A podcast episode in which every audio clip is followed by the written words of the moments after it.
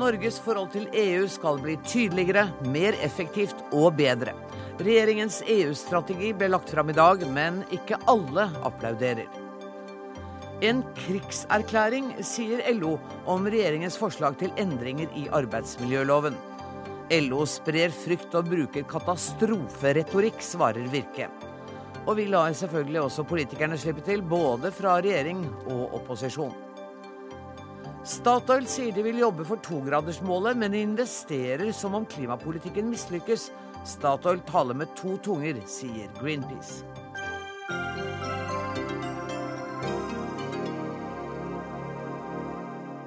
Dette er Dagsnytt 18, der vi også skal høre at det er dem som mener at sexscener, banning og rusmidler ikke hører hjemme i filmer med 11 års aldersgrense. Men først.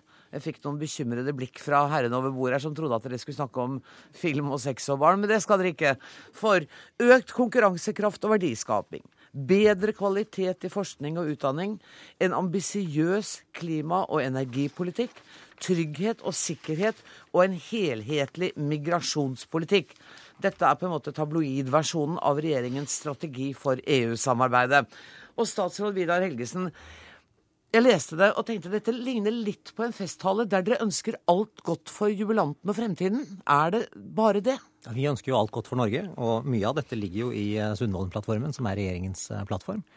Og eh, vi ønsker også å kjempe for de samme verdiene og de samme prinsippene og de samme målene for samfunnet i Europa. For det er sånn at EU betyr veldig mye for Norge.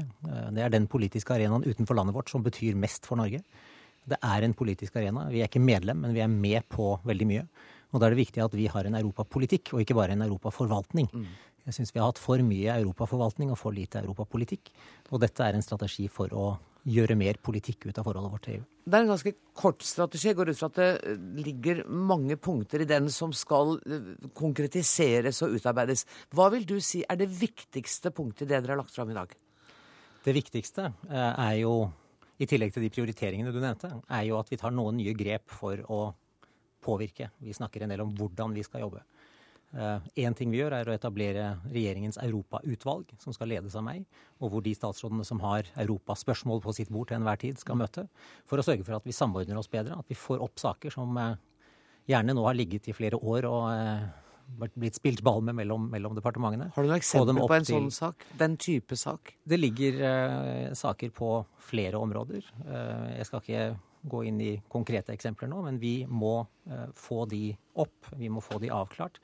Og så skal vi ikke bare håndtere løpende saker. For noe av det som er problemet, eller har vært problemet i norsk europapolitikk, har vært at vi altfor ofte har sett på hva EU vedtok i fjor, og hvordan vi skal forholde oss til det. Mm.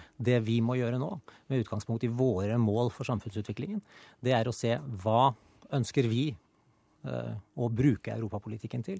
Hva kan vi gjøre for å påvirke de prosessene som kommer, og de beslutningene som vil komme i EU de neste årene? Et veldig viktig område der er energi. Etter eh, Russlands eh, annektering av Krim og destabiliseringspolitikk i Ukraina, så har energisikkerhet nå kommet opp på EUs agenda for fullt. Eh, I tillegg til at klimaspørsmål og klima- og energispørsmål er viktige. Norge er en stor aktør her i Europa. Vi har store interesser, og den politikkutformingen som nå skjer i EU, den kan bli til en regelutforming som kan påvirke oss i neste omgang. Og Da er det viktig for oss å, ta... å være tidlig ute. Det skjønner jeg. Jeg tror ikke vi rekker alle punktene i det tolvsiders dokumentet. Men eh, Svein Roald Hansen, du er medlem i utenriks- og forsvarskomiteen og medlem av Arbeiderpartiet. Og dette er et felt du har jobba mye med. Hvordan, eh, hva tenker du når du hører at statsråden sier at det vi har drevet med til nå, altså i den regjeringen som du var med, eh, så drev man med forvaltning. Nå skal vi ha en europapolitikk. Det var eh, den rød-grønne regjeringen som kom inn i 2005 som virkelig satte fart på eh, arbeidet med europapolitikken. Eh, ja, Men det ligger en ikke helt skjult kritikk Nettopp. Det, det er et forsøk på å skape et bilde som er feilaktig. Det var vår regjering som løftet arbeidet med eh, europasaker. Det var da vi fikk eh, halvårige redegjørelser. Da vi fikk en egen stortingsmelding som Stortinget tok tak i og dro videre. Og faktisk økte også Stortingets eget arbeid med en egen medarbeider fra internasjonal avdeling i Brussel eh, osv. Det, dette fortsetter Helgesen, og det er bra. Og det er fint at de har lagt fram en, en strategi som kan spisse arbeidet Men det som er testen, det er avstand mellom liv og lære. Og her har de lagt fram en strategi hvor det står mye pent om at man på arbeidslivssiden skal bekjempe sosial dumping. Mens arbeidsministeren nå varsler at han altså skal lage et unntak fra vikarbyrådirektivet. Eh, og det står mye klokt om å bruke EU-samarbeidet til kunnskap og, og forskning osv. Men regjeringen deltar ikke i alt. i ASA, som er sånn samarbeidsmuligheter, hvor de deltar i én av tre muligheter. Så her trengs det mer samordning i regjeringen. Så jeg ønsker Vidar Helgesen lykke til med det. Jeg så at Helgesen fikk tenning når det gjaldt dette med vikarbyrådirektivet. Det skal dere ikke få lov å snakke om, for det kommer noen andre siden som skal snakke om det. Jeg vil bare si at det er Ja, en du leveranse på kunke denne strategien. Eh, Trygve Slagsvold Vedum, leder i, eh, i Senterpartiet. Du slo liksom ikke hæla i taket av lykke over denne strategien i dag. Jeg syns det var eh, overraskende tynt. Jeg hadde jo grua meg litt til å lese hva som sto der, egentlig. Men eh, det var jo bare seks sider, og det som sto der, var jo egentlig veldig mange sånn selvfølgeligheter. Altså, de fire virkemidlene de trekker fram, er positivt engasjement og samordning. Det er vi selvfølgelig for. Åpenhet og debatt er vel ingen som er imot. Kunnskap er vi alle for, og samarbeid med EU-land er alle for. Det er liksom de viktigste virkemidlene i EU-politikken. Så Derfor så er det, det er å slå opp åpne dører. Men så er det noen ting jeg også reagerer på, og det, og det avgjørende er til sjuende og sist politikken. De, de løfter her veldig tydelig fram EU sitt forsvarskapasiteter, at de ønsker å styrke det, og at den norske regjeringa skal bidra til å styrke EU sine forsvarskapasiteter. Det mener jeg er grunnleggende feil.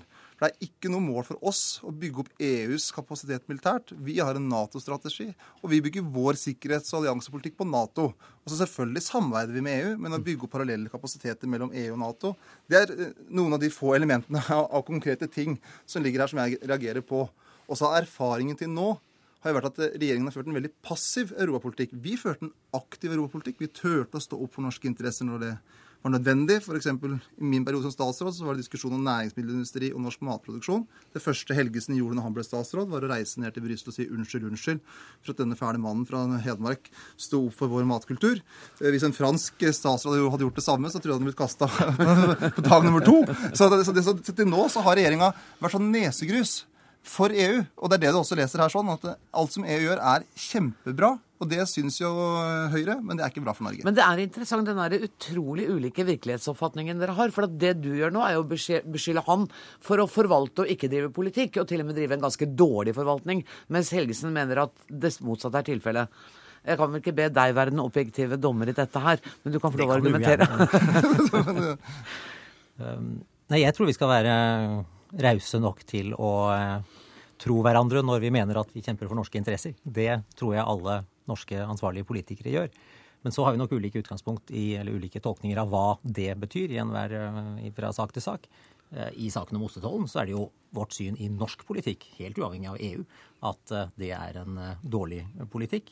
Men eh, forsvars- men det det, som er aller viktigst for oss, er at når vi er i den situasjonen at EU-regler blir til norske regler gjennom at vi er med i EØS, så er det viktig for oss å påvirke de reglene tidlig.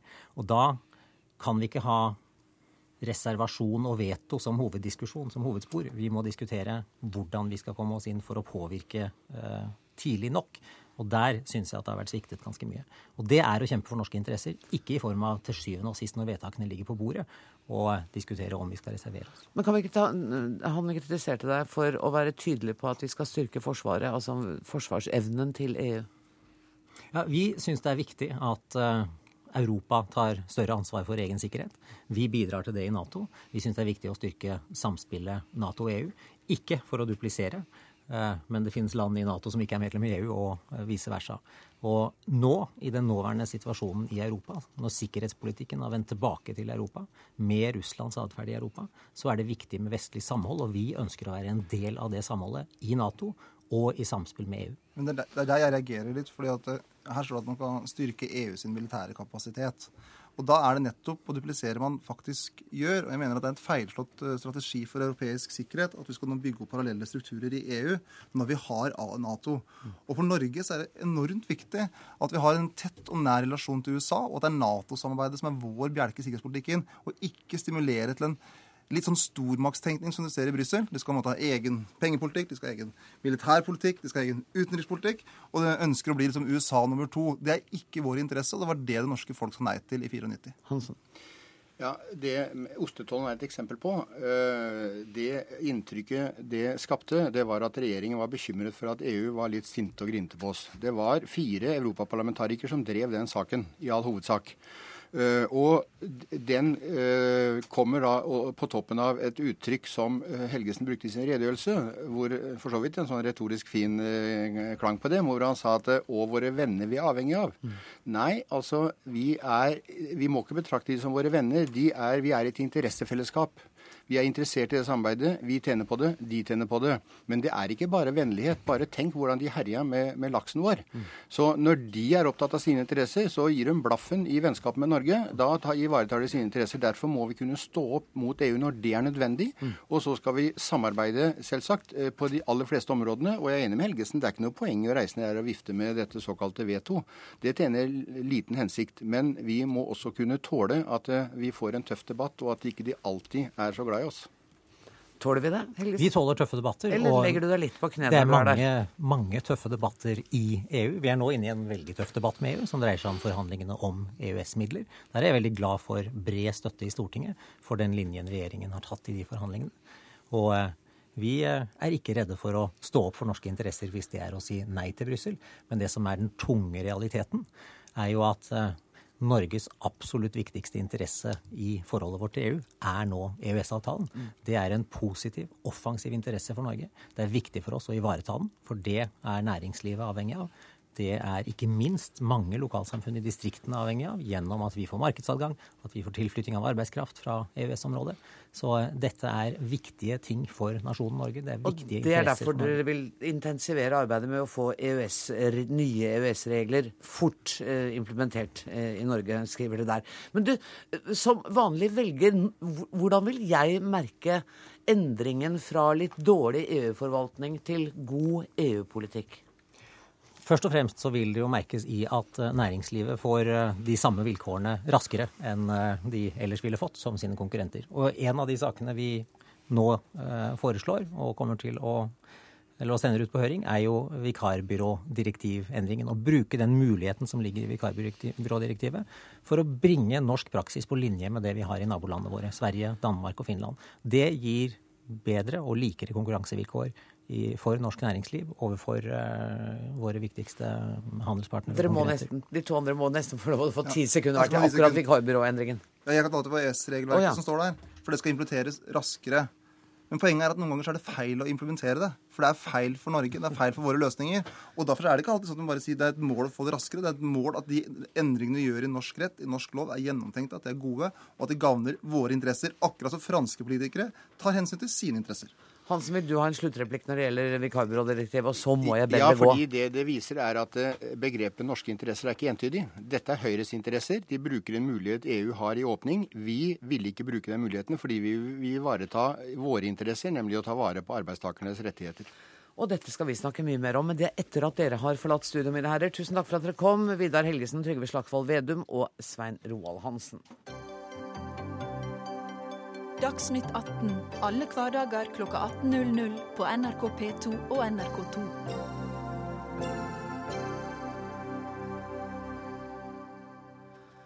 Regjeringen høster både ros og ris for forslagene de nå sender ut på høring om endringer i arbeidsmiljøloven.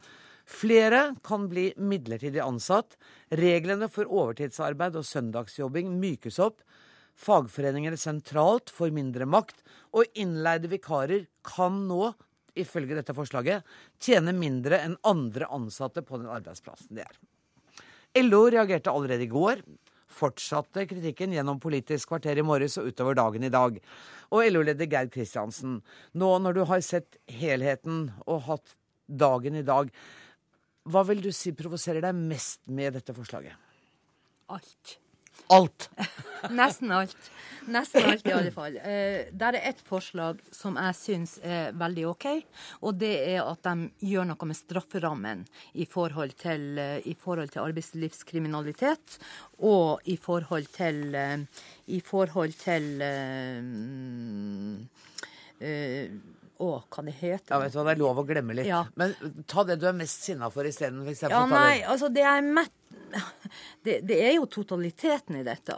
Det er jo ikke tvil om at eh, med disse reglene som her er foreslått, så kommer arbeidsgiverne til å styre faktisk mer av fritida til, til, til arbeidsfolk. Hvorfor det? Eh, jo, de, altså, når du øker mulighetene for overtid med ganske mange timer prosentvis, så er det 25 Når du, når du eh, når du øker den alminnelige arbeidstida fra ni til ti timer, når du åpner for mer søndagsarbeid, og veldig mange tenker automatisk butikker når vi snakker søndagsarbeid, men dette er jo en generell åpning for alle sektorer også helsesektoren, der det har vært store diskusjoner rundt dette med helgearbeid. Jeg, du, jeg er litt overrasket, for jeg trodde at det største argumentet ditt ville være knytta til at de åpner adgangen til midlertidige ansettelser. Ja, det har jeg snakka om i hele dag. og i går. Jeg, har egentlig tømt meg på den. Men, men, men, det er ikke tvil om at det med midlertidige ansettelser er det aller verste som ligger her. Eh, og det Altså, det har, det har veldig lite med enkeltmennesker å gjøre. Vi kunne ha satt oss ned i lag og jobba med tiltak for å få såkalt utsatte grupper inn i arbeidslivet. Det har vi gjort i alle tider tidligere. Det kunne vi også ha gjort nå. Men når vi lager ei sånn generell åpning Altså, jeg har jobba i offentlig sektor i veldig mange år. Og jeg vet hvordan det med midlertidige tilsettinger utnyttes. Mm. Uh, og hvordan man sluser folk inn og ut etter uh, behov, sånn at folk går midlertidig i årevis. Men, men du, du, kunne ha gjort det på andre måter. Eh, du undergraver det organiserte arbeidslivet. Fordi at folk ikke organiserer seg. Mm. Det er mye vanskeligere å få dem organisert når de har sånn svak tilknytning til arbeidslivet. Og til syvende og sist fordi at organisering i arbeidslivet er en viktig del av den norske modellen, mm. så undergraver du den norske modellen. Du har kalt det en eh, krigserklæring. Vibeke Hammer Madsen, administrerende direktør i hovedorganisasjonen Virke. Dere er glade for handling fra regjeringens hold, og dere har reagert på ordbruken fra LO. Ja, vi er glad for det som er, eh, er kommet. Og så, altså Jens Stoltenberg, han sa at nå må vi slutte å snakke ned Norge. Og det er slik at jeg lurer på, Geir, hørte du ikke det? Fordi det er jo sånn at det faktisk er et veldig godt eh, samarbeidsforhold de fleste arbeidsplassene. Og så fortsetter da likevel LO å bruke eh, denne hva skal jeg si, katastroferetorikken. Bare de siste 24 timene så har vi altså hørt arbeidstagerorganisasjonene si krigserklæring, bakholdsangrep og til og med løsarbeidersamfunn. Men altså, det er jo ikke krig. Altså, vi lever i et sivilisert samfunn. Vi har, mener jeg, nå et trepartssamarbeid som eh, fungerer. Og nå skal dette ut på høring, mm. til og med med alternativer. Og hvor vi skal få uttale oss og komme med kommentarer. Vi kommer til å bli hørt. Og likevel, Gerd, så bruker du krigserklæring. Altså, det overrasker meg veldig. For det er jo nå vi får en arbeidsmiljølov som begynner å ligne på dagen i dag og morgendagen. Og vi har ikke behov for en sånn arbeidsmiljølov som åpner for enda flere midlertidige tilsettinger enn det vi har i Norge i dag. Vi har 10% midlertidige tilsatte i arbeidslivet i Norge.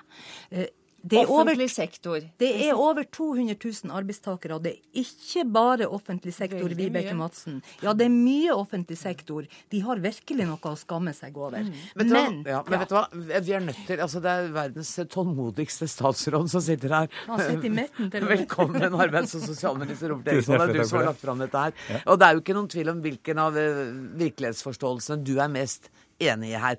For du har, du har, også sagt at grunnen til at du nå åpner for midlertidig ansettelse inntil ett år, er jo bl.a. fordi at det skal hjelpe funksjonshemmede inn i arbeidslivet og folk som har falt utafor arbeidslivet.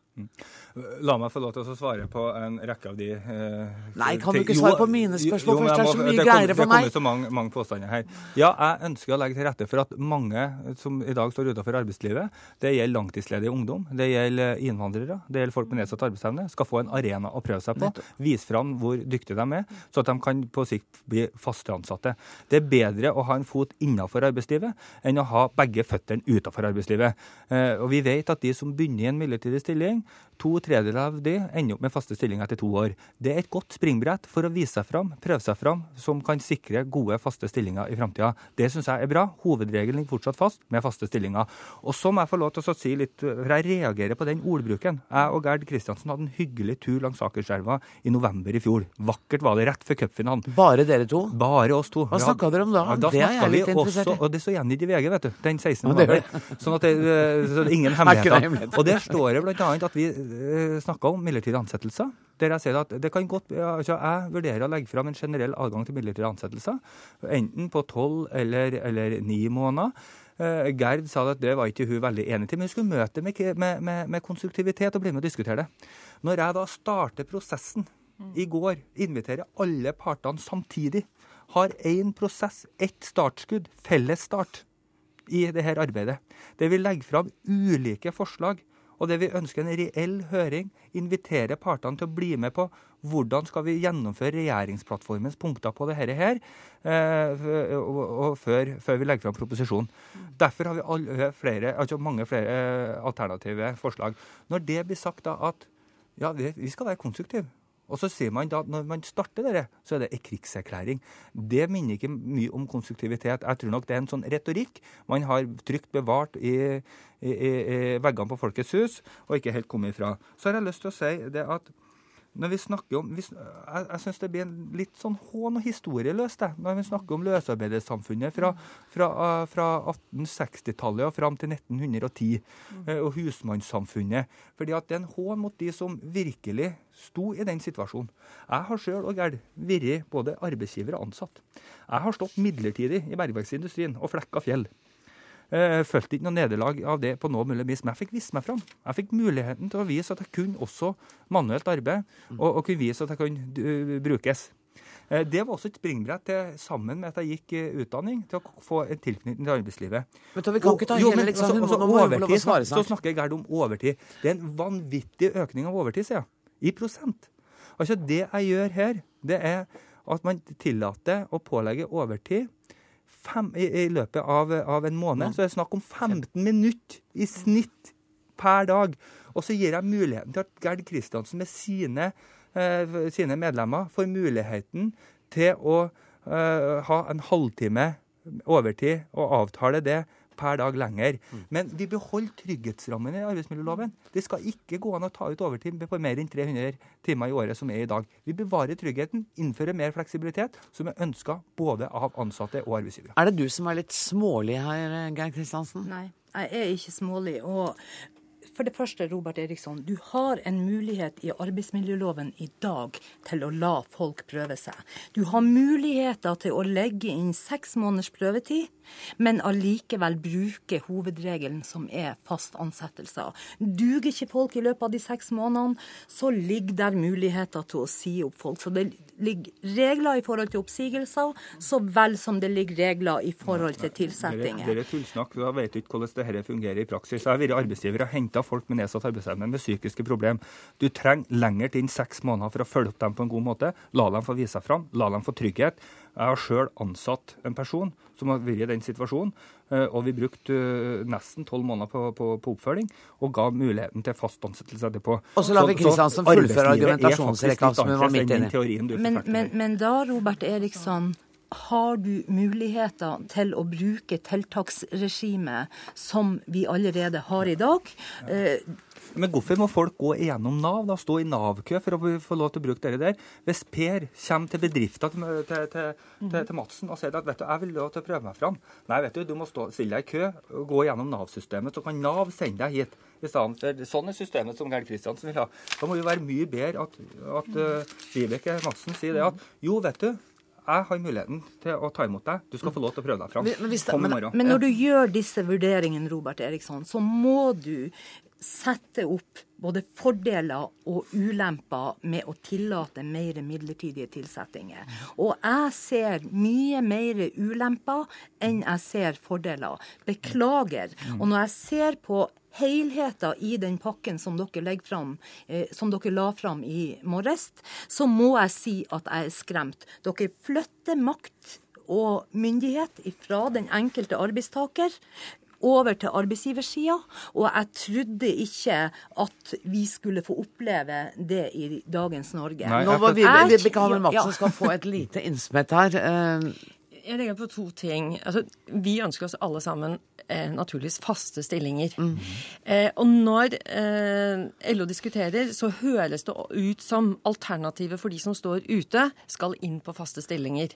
Poenget er at de kommer til å bli stående ute hvis vi ikke kommer inn. Jeg har selv vært med på i forrige regjering å sitte og se på tiltak for eh, de med nedsatt funksjonsevne, for å se hvordan vi kunne få det mer inn. Men bare hold an litt, for at det, er, det, er vel, det er vel ikke snakk om bare dem. Det er jo en generell adgang til midlertidige stillinger. Og det Ikke har vi Virke ønsker Dere snakker veldig gjerne om de funksjonshemmede, men det gjelder jo, men oss alle. Vi ønsker oss en generell adgang Ja. inntil tolv måneder Nettopp. for å gjøre det enkelt for virksomhetene, for å redusere risiko.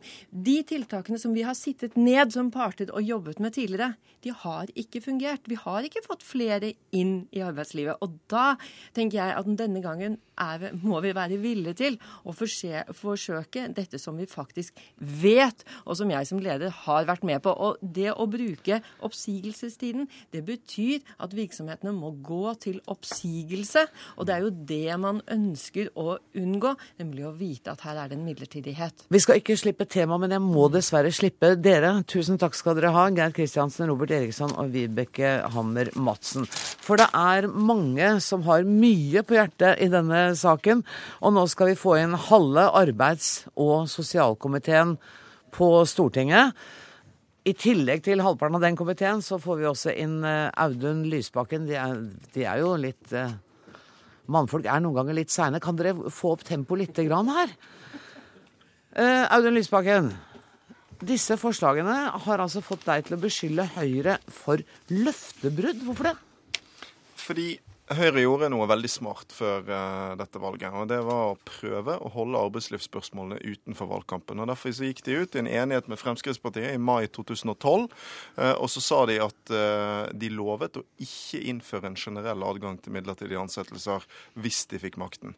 Så bekreftet også Høyre det i sitt program. Der står det, jeg siterer, at de vil myke opp reglene for midlertidig ansatte ved midlertidige behov. Altså ikke en generell adgang. Så har de makten noen måneder. Og så kommer det forslaget som de har lovet å ikke fremme.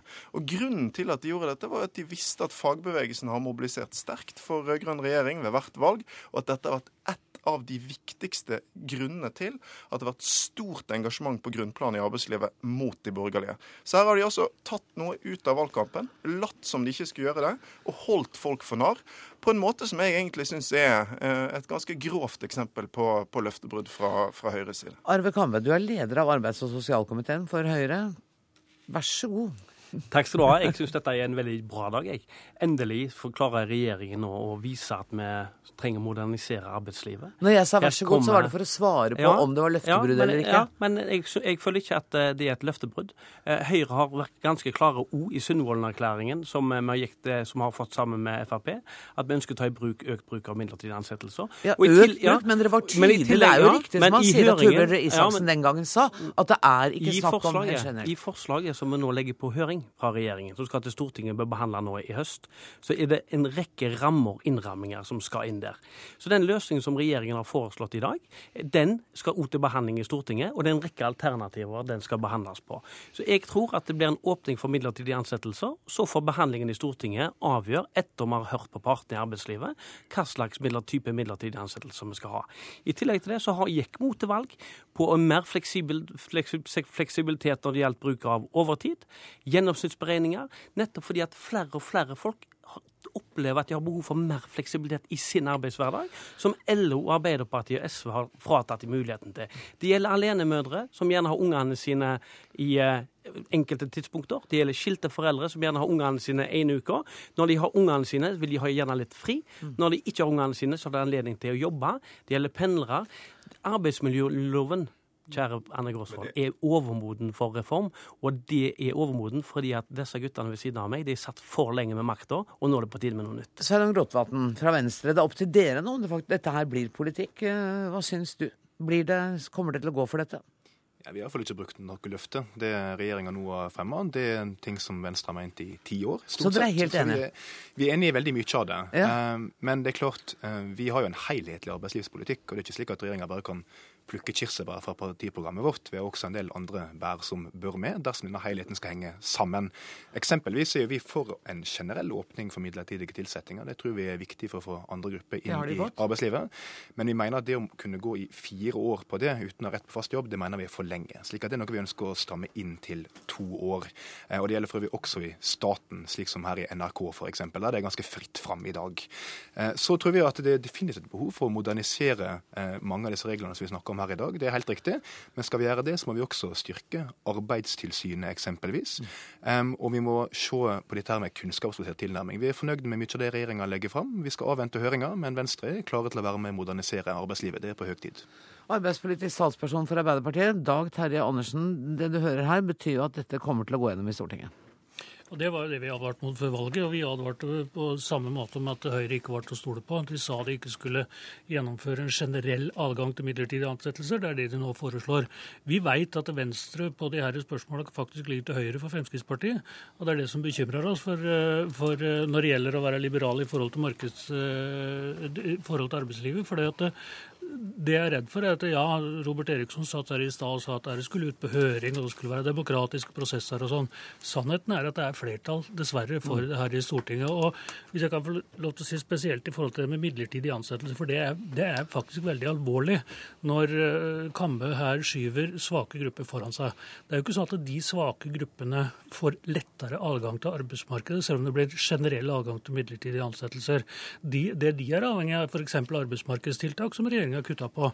Men det som Det blir tilfellet nå, det er faktisk at alle kan få midlertidige ansettelser. Og når du sier enslige mødre som eksempel ja, Jeg har møtt enslige mødre som er opptatt av sine problemer, men jeg har ikke hørt noen av dem som har krevd at det skal bli flere som blir midlertidig ansatt istedenfor fast ansatt. Jeg har ikke hørt noen av dem som har savna at arbeidsgiver kan pålegge dem fem timer ekstra overtid i uka. Jeg har ikke hørt noen av dem som har krevd at de må lobbe lengre enn normal arbeidsdag. Det her er, det her er veldig dårlig eh, familiepolitikk, og det er veldig dårlig næringspolitikk. Vet du hva, Jeg går til Rotevatn, for du må få lov å svare på det med at dere er eh, verre enn noen når det gjelder arbeidsliv. Ja, ja. Nei, det er så for det sikkert Vi... var det en kompliment? Jeg tror ikke det var ment som et eh, kompliment, men det er så for det sikkert at vi er foran Arbeiderpartiet. For dette her er det noen som kjemper imot en helt nødvendig modernisering. Eh, og denne ryggmargskonservatismen som slår inn i Arbeiderpartiet og SV i sånne spørsmål, og i LO hørte vi tidligere, den har vi nå vært vitne til i åtte år.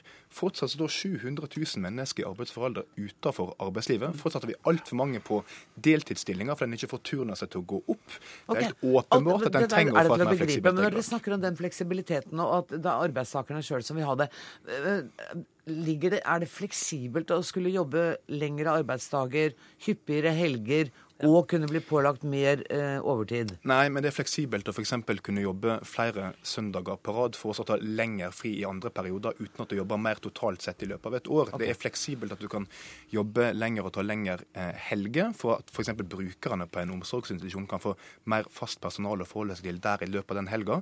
Og så kan du ta lengre fri. Slike turnusordninger ser vi komme. De Det er gir gode resultat. det Da nå, nå må Lysbakken få lov å få ordet, for du skal få lov å svare helt til. Men altså, jeg tenker at de der, eh, arbeidsmiljøloven er jo ikke skrevet i stein, den heller. Det må jo være Nei, lov men, å endre den. Men dette er ikke et spørsmål om hvem som uh, ligger langt fram i tid og tilbake. Det er et spørsmål om hvem sin side du står på. Uh, og når jeg hører Sveinung Rotevatn beskrive arbeidslivet, så er det et arbeidsliv for de med mye makt over egen arbeidsdag, de som jobber i de privilegerte delene av norsk eh, arbeidsliv.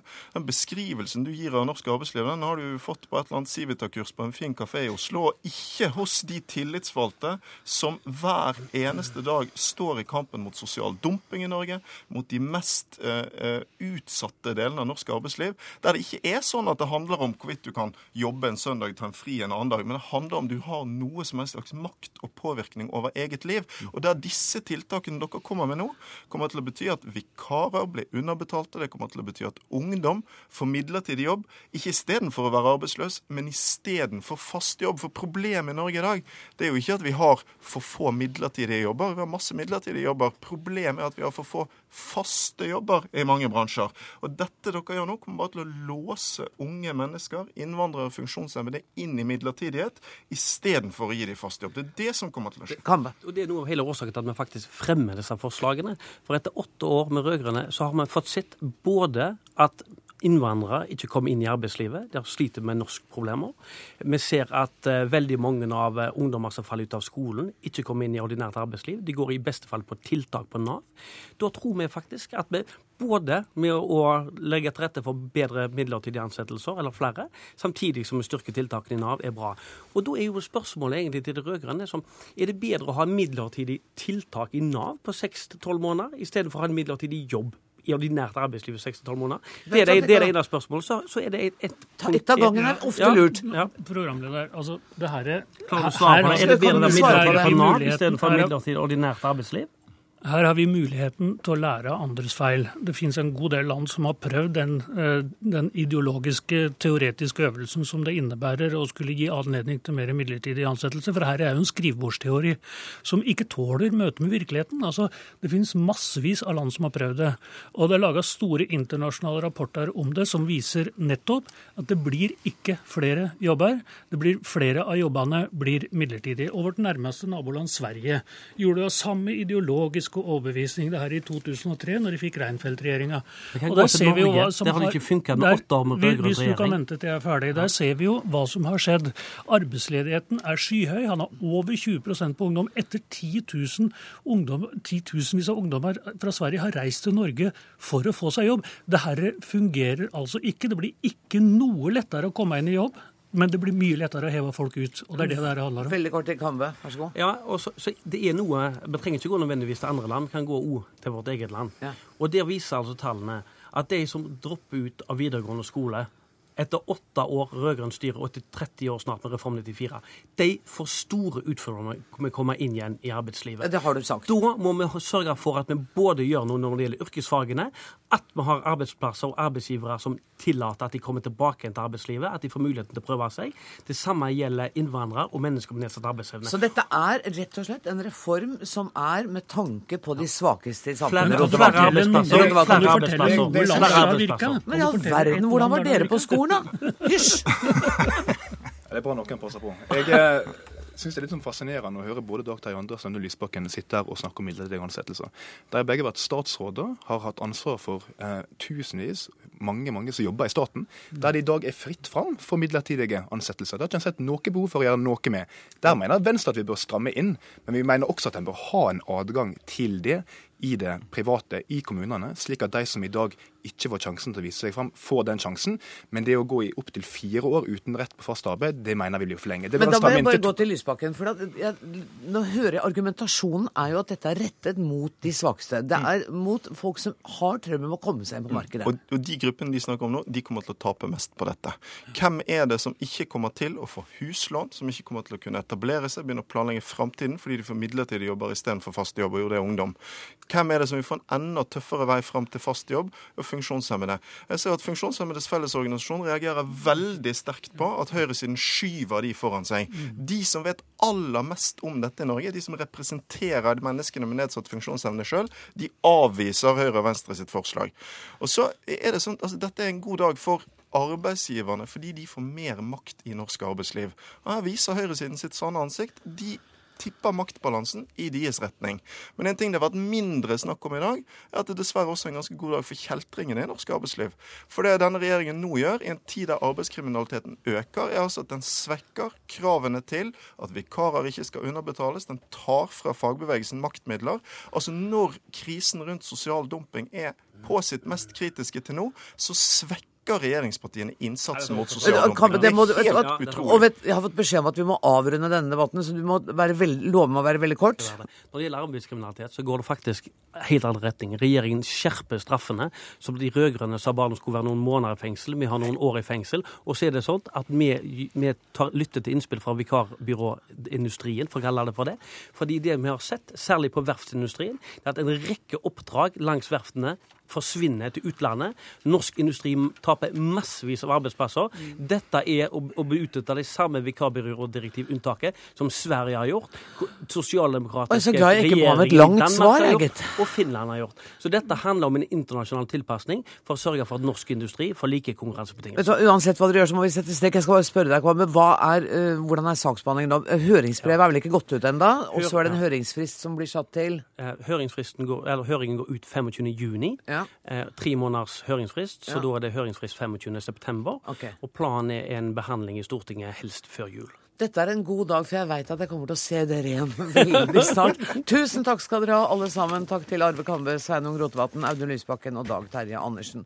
Inn i studio kommer kollega politisk kommentator Magnus Takvam. Mm, det, var, eh, det var litt av en runde, og, og vi var innom mange ting. Jeg tror jeg må begynne med å spørre deg, hvor drastiske er disse forslagene fra regjeringen egentlig? Det er det åpenbart uh, ulike meninger om, som debatten illustrerte. Og det er jo nettopp det som kommer til å skje nå, en slags kamp om virkelighetsbeskrivelsen og hvilke konsekvenser disse forslagene uh, kommer til å få. Det er jo der debatten går.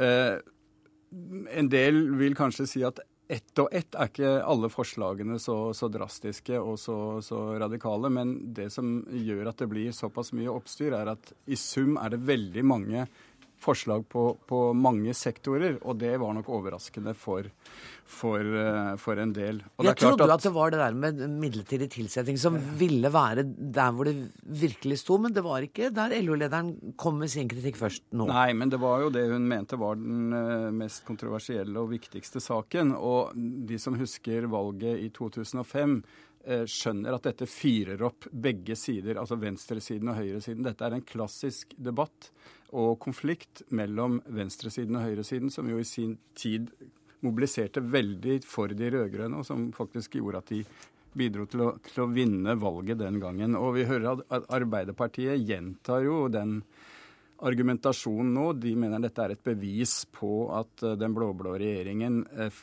er det de hevdet hele tiden. Så på en måte kan man si at begge sider gjerne vil ha den debatten. Både høyresiden, som viser eh, handlingskraft og at de vil fornye og modernisere arbeidslivet, og venstresiden, som da eh, vil ha det den andre veien eh, i debattsammenheng. Men kommer vi til å se en mobilisering fra fagbevegelsen igjen lignende den vi så i 2005, tror du? Jeg tror i hvert fall vi vil se en mobilisering, ja. Eh, Det som gjør det litt krevende nå, er jo at eh, detaljene i forslaget ikke er der. Det er bare en, eh, en generell beskrivelse av, av retningen på forslagene.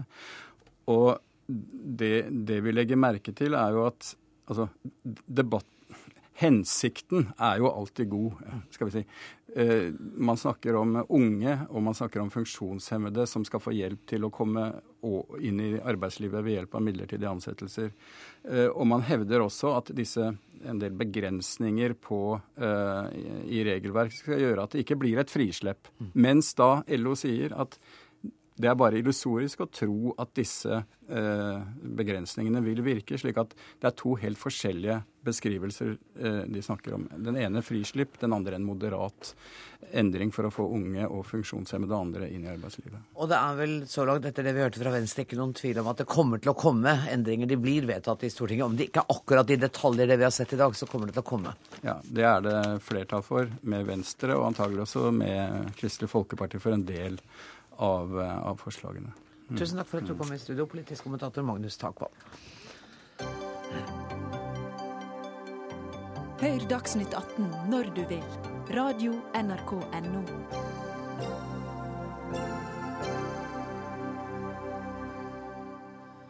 Hvor mye tåler barna å se uten at det er skadelig? Det er det Medietilsynet spør seg om når de setter aldersgrenser på f.eks. kinofilmer. Men hva er egentlig skadelig? I en kronikk på Ytring på NRK Ytring i dag, så er pedagog og filmanmelder Chris Munthe kritisk til hva barn får lov å se.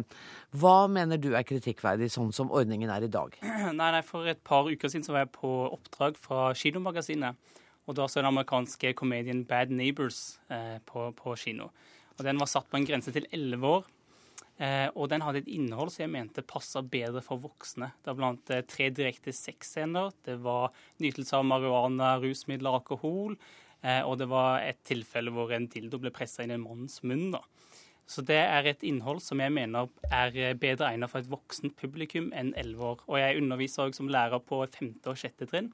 Og det er et langt steg fra et voksen menneske til et barn som fortsatt ler når puppe eller rumpe nevnes i den sammenheng.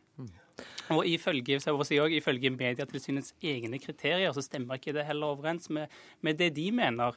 Fordi der burde det altså direkte sexscener burde satt grensa et sted forbi 15 år. Så selv innenfor den rammen de bruker, så stemte ikke det. Så selv om sexscenene kanskje er humoristiske eller ironiske ment, så evner ikke ungene helt å oppfatte det. Nei, altså Det er ikke et tema som nødvendigvis er farlig. Man kan ta opp liv, død, man kan ta opp det meste. Krig, fred med barn. Men det er noe med måten det presenteres på. Ja, Ove Vatne, eh, hva mener du om kritikken fra Munte? Munthe? Du er filmsakkyndig og rådgiver i Medietilsynet. Ja, altså det jeg la merke til, er at Du sammenligner jo da med en del andre land. for Du ser at der, der er det lavere aldersgrense enn vi har i, i Norge. Eh, til det er det jo å si at Utgangspunktet vårt når vi setter aldersgrenser, det er hva som kan være skadelig for barn. Det er ikke hva som kan være eh, egnet eller uegnet. Det er to helt forskjellige ting. Så når vi setter aldersgrenser, så er det ut fra et skadelighetskriterium. Hva som kan skade sinn eller rettsomgrep, påvirke sinn eller retts, rettsomgrep på en skadelig måte. Det er det begrepet som brukes i loven. Men du, med all respekt, hvordan veit dere det? Nei, det, det er en skjønnsutøvelse vi gjør. Uh, vi er et, et kollegium uh, som da har ulik bakgrunn, men alle har da fagbakgrunn med mediekunnskap og barn og, og film. Og vi, også, vi, bruker også barnepanel jevnlig, hvor vi intervjuer barn om film. Så vi, vi, prøver å følge med hvordan barn oppfatter film. Har du sett denne filmen, Bad Neighbors? Ja, den har jeg sett. Står du fast ved at det er greit at elleveåringer ser det som ja, blir beskrevet her? Ja, ut, ut fra et skadelighetskriterium, ja. Okay. For det, og de landene du sammenligner med, de har altså helt, et helt annet utgangspunkt når de setter aldersgrenser. Du har ikke sammenlignet f.eks. med Danmark, Sverige og Finland som er da land som har lignende lovgivning som vi har, og hvor kriteriene er veldig like de som er i Norge. Sånn at det vi ser på, det er kan dette skade barnet, ikke på er dette egnet for barnet. Helt riktig. Men kunne man kanskje da tenke seg at man burde gå mer i retning av er dette egnet for barnet, da? Det er faktisk veldig vanskelig. for I Norge er det sånn at det er staten ved Medietilsynet som skal sette disse aldersgrensene.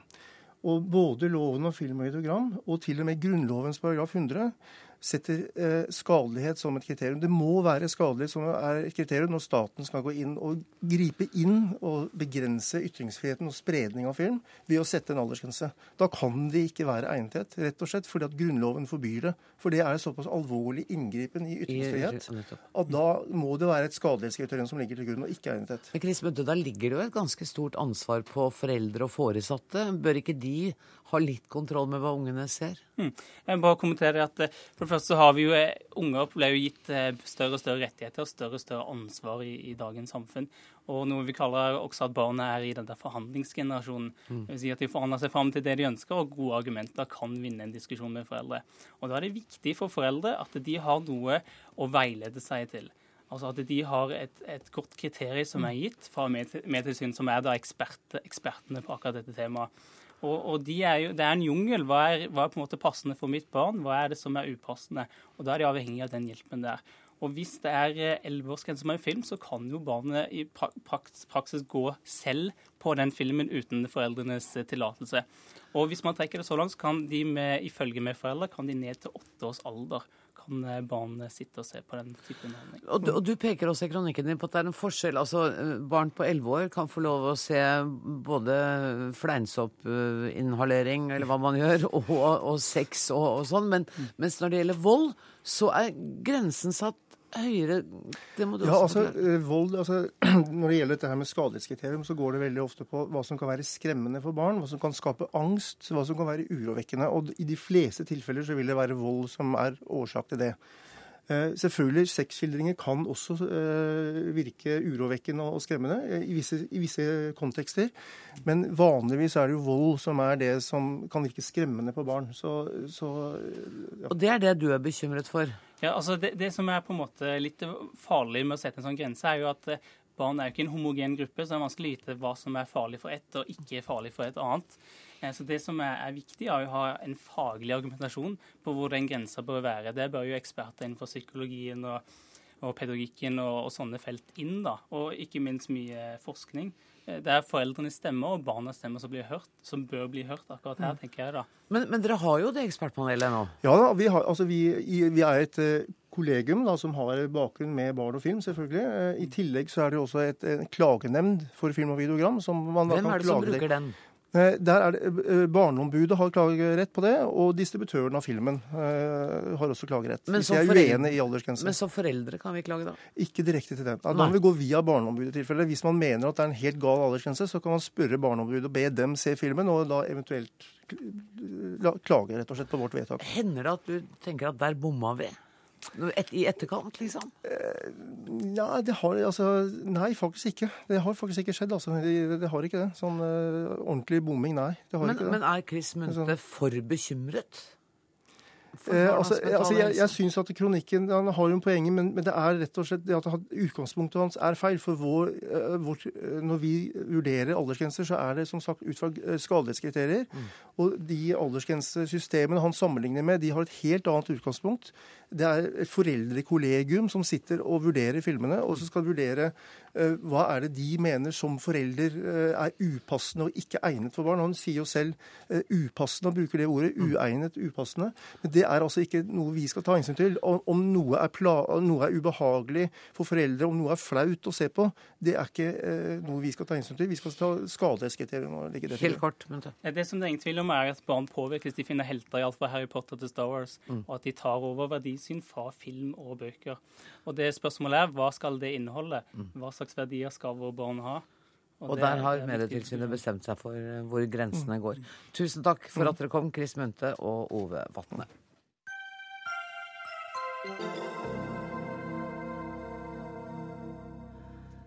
Til tross for at Statoil sier at de støtter togradersmålet, så planlegger Statoil for en oljeetterspørsel som er høyere enn det togradersmålet tåler. For dette togradersmålet innebærer at landene har forpliktet seg til å jobbe mot en temperaturøkning på maksimum to grader fra førindustriell tid. Men selv ikke FNs klimapanel har egentlig stor tro på at det er mulig å nå det målet. Og klimarådgiver i Greenpeace, Martin Normann, hvordan reagerer dere på Statoils strategi? Nei, altså Vi, eh, vi syns jo det er forferdelig trist. Eh, dette her er jo et eh, Vi begynner å nærme oss et ganske kritisk punkt i, i at vi må finne alternative løsninger. Og det at Statoil jobber mot eierens ønsker, altså Norges ønsker om å, å holde seg innenfor togradersmålet, det er eh, fryktelig skuffende. Eh, men eh, dere sier Norge jobber mot Norge, sier dere? Ja, det blir jo det. Norge er jo største eier i Statoil. Eh, og det politiske Norge har, eh, jobber hardt internasjonalt for å få til en internasjonal klimaavtale.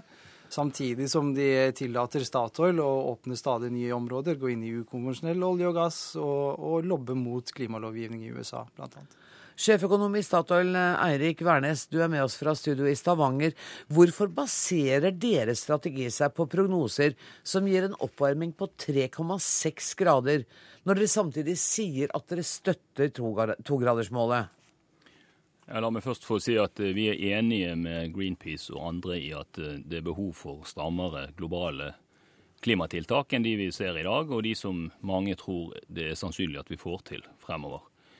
Eh, Statoils planlegging er basert på en vurdering av hva som er mest sannsynlig, og i tillegg alternative scenarioer for hva som kan være mulig. Og vi tror det er mulig å nå togradersmålet. Vi tror det er veldig krevende, men vi tror det er mulig. Men strategien deres men, baserer seg på prognoser som gir en oppvarming som er mye ja, høyere? Strategien vår baserer seg på at vi skal forsøke å levere olje og gass til priser og kostnader som gjør det lønnsomt å levere. Eh, og det vil være behov for store mengder olje og gass fra nye funn eller nye felt, også i et togradersscenario. Både i det vi kaller referansescenarioet vårt, altså det som vi og IEA eh, tror er det mest sannsynlige, men også i et togradersscenario vil det være behov for mye mer olje og gass levert fra felt og funn som i dag ikke er under investering, under planlegging eller heller ikke funnet, enn det vi klarer å levere fra eksisterende felt. Og Grunnen til det er at, at to, tredjedeler av de fossile, nei, to tredjedeler av det samlede energibehovet i togradersscenarioet vil komme fra fossile brensler. Mm.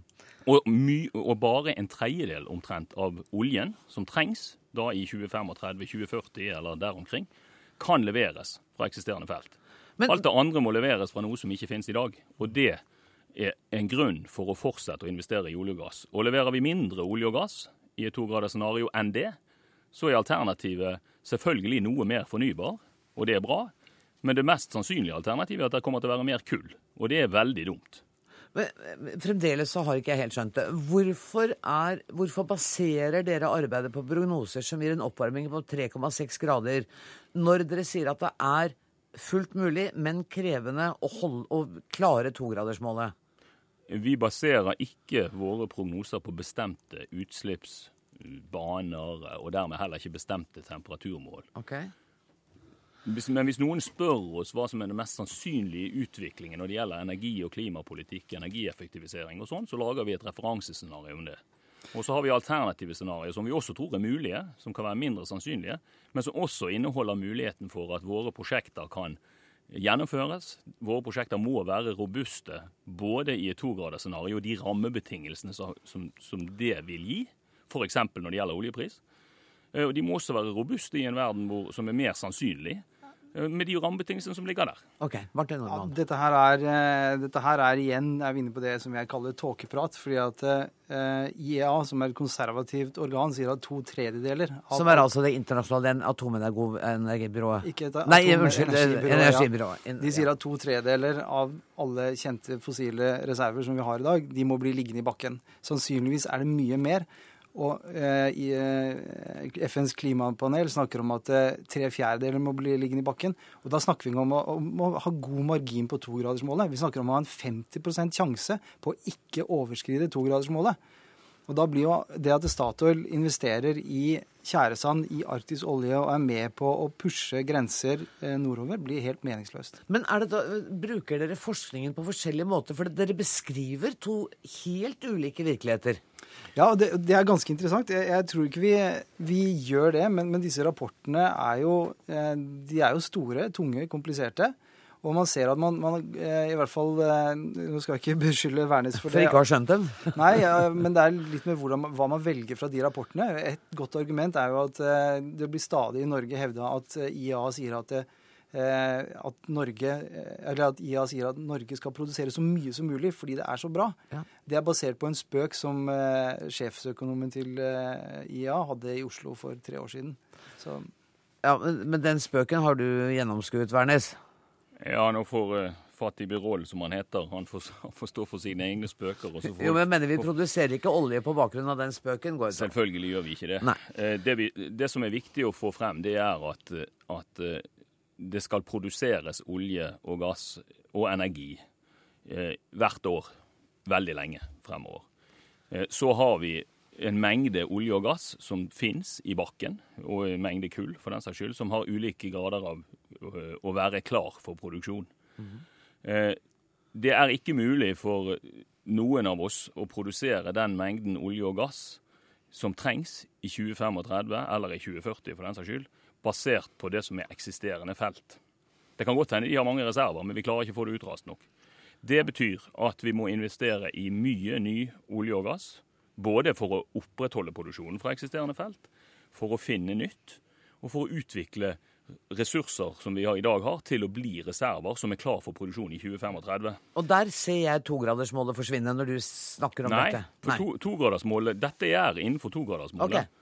Så, men, men, vi må produsere er... fem ganger så mye som Saudi-Arabia produserer i dag mm. i 2035, altså, også i trogradersmålet. Kjære venner, nå er denne sendinga øyeblikkelig slutt. Nordmann, skulle du bare si ja, er togradersmålet si borte? Ja, Hvis Statoil fortsetter som de gjør nå, så er det det. Det er øh, ønsketenkning. Vi trenger mer energi, og det er mer fornybar energi, og ikke mer olje og gass som er bensin på bålet. Det er vi enig i at vi trenger mer energi. Mer fornybar energi Statoil påvirker ikke togradersmålet. Om vi når det eller ikke, det er helt avhengig av globale tiltak for et globalt problem der vi må ha så lite kull som mulig. Og nå blir vi snart tatt av lufta. Tusen takk skal dere ha, Erik Wærnes og Martin Normann. Ansvarlig for sendingen i dag var Alf Hartken. Det tekniske ansvaret av Karl Johan Rimstad. Jeg heter Anne Grosvold. Takk for nå.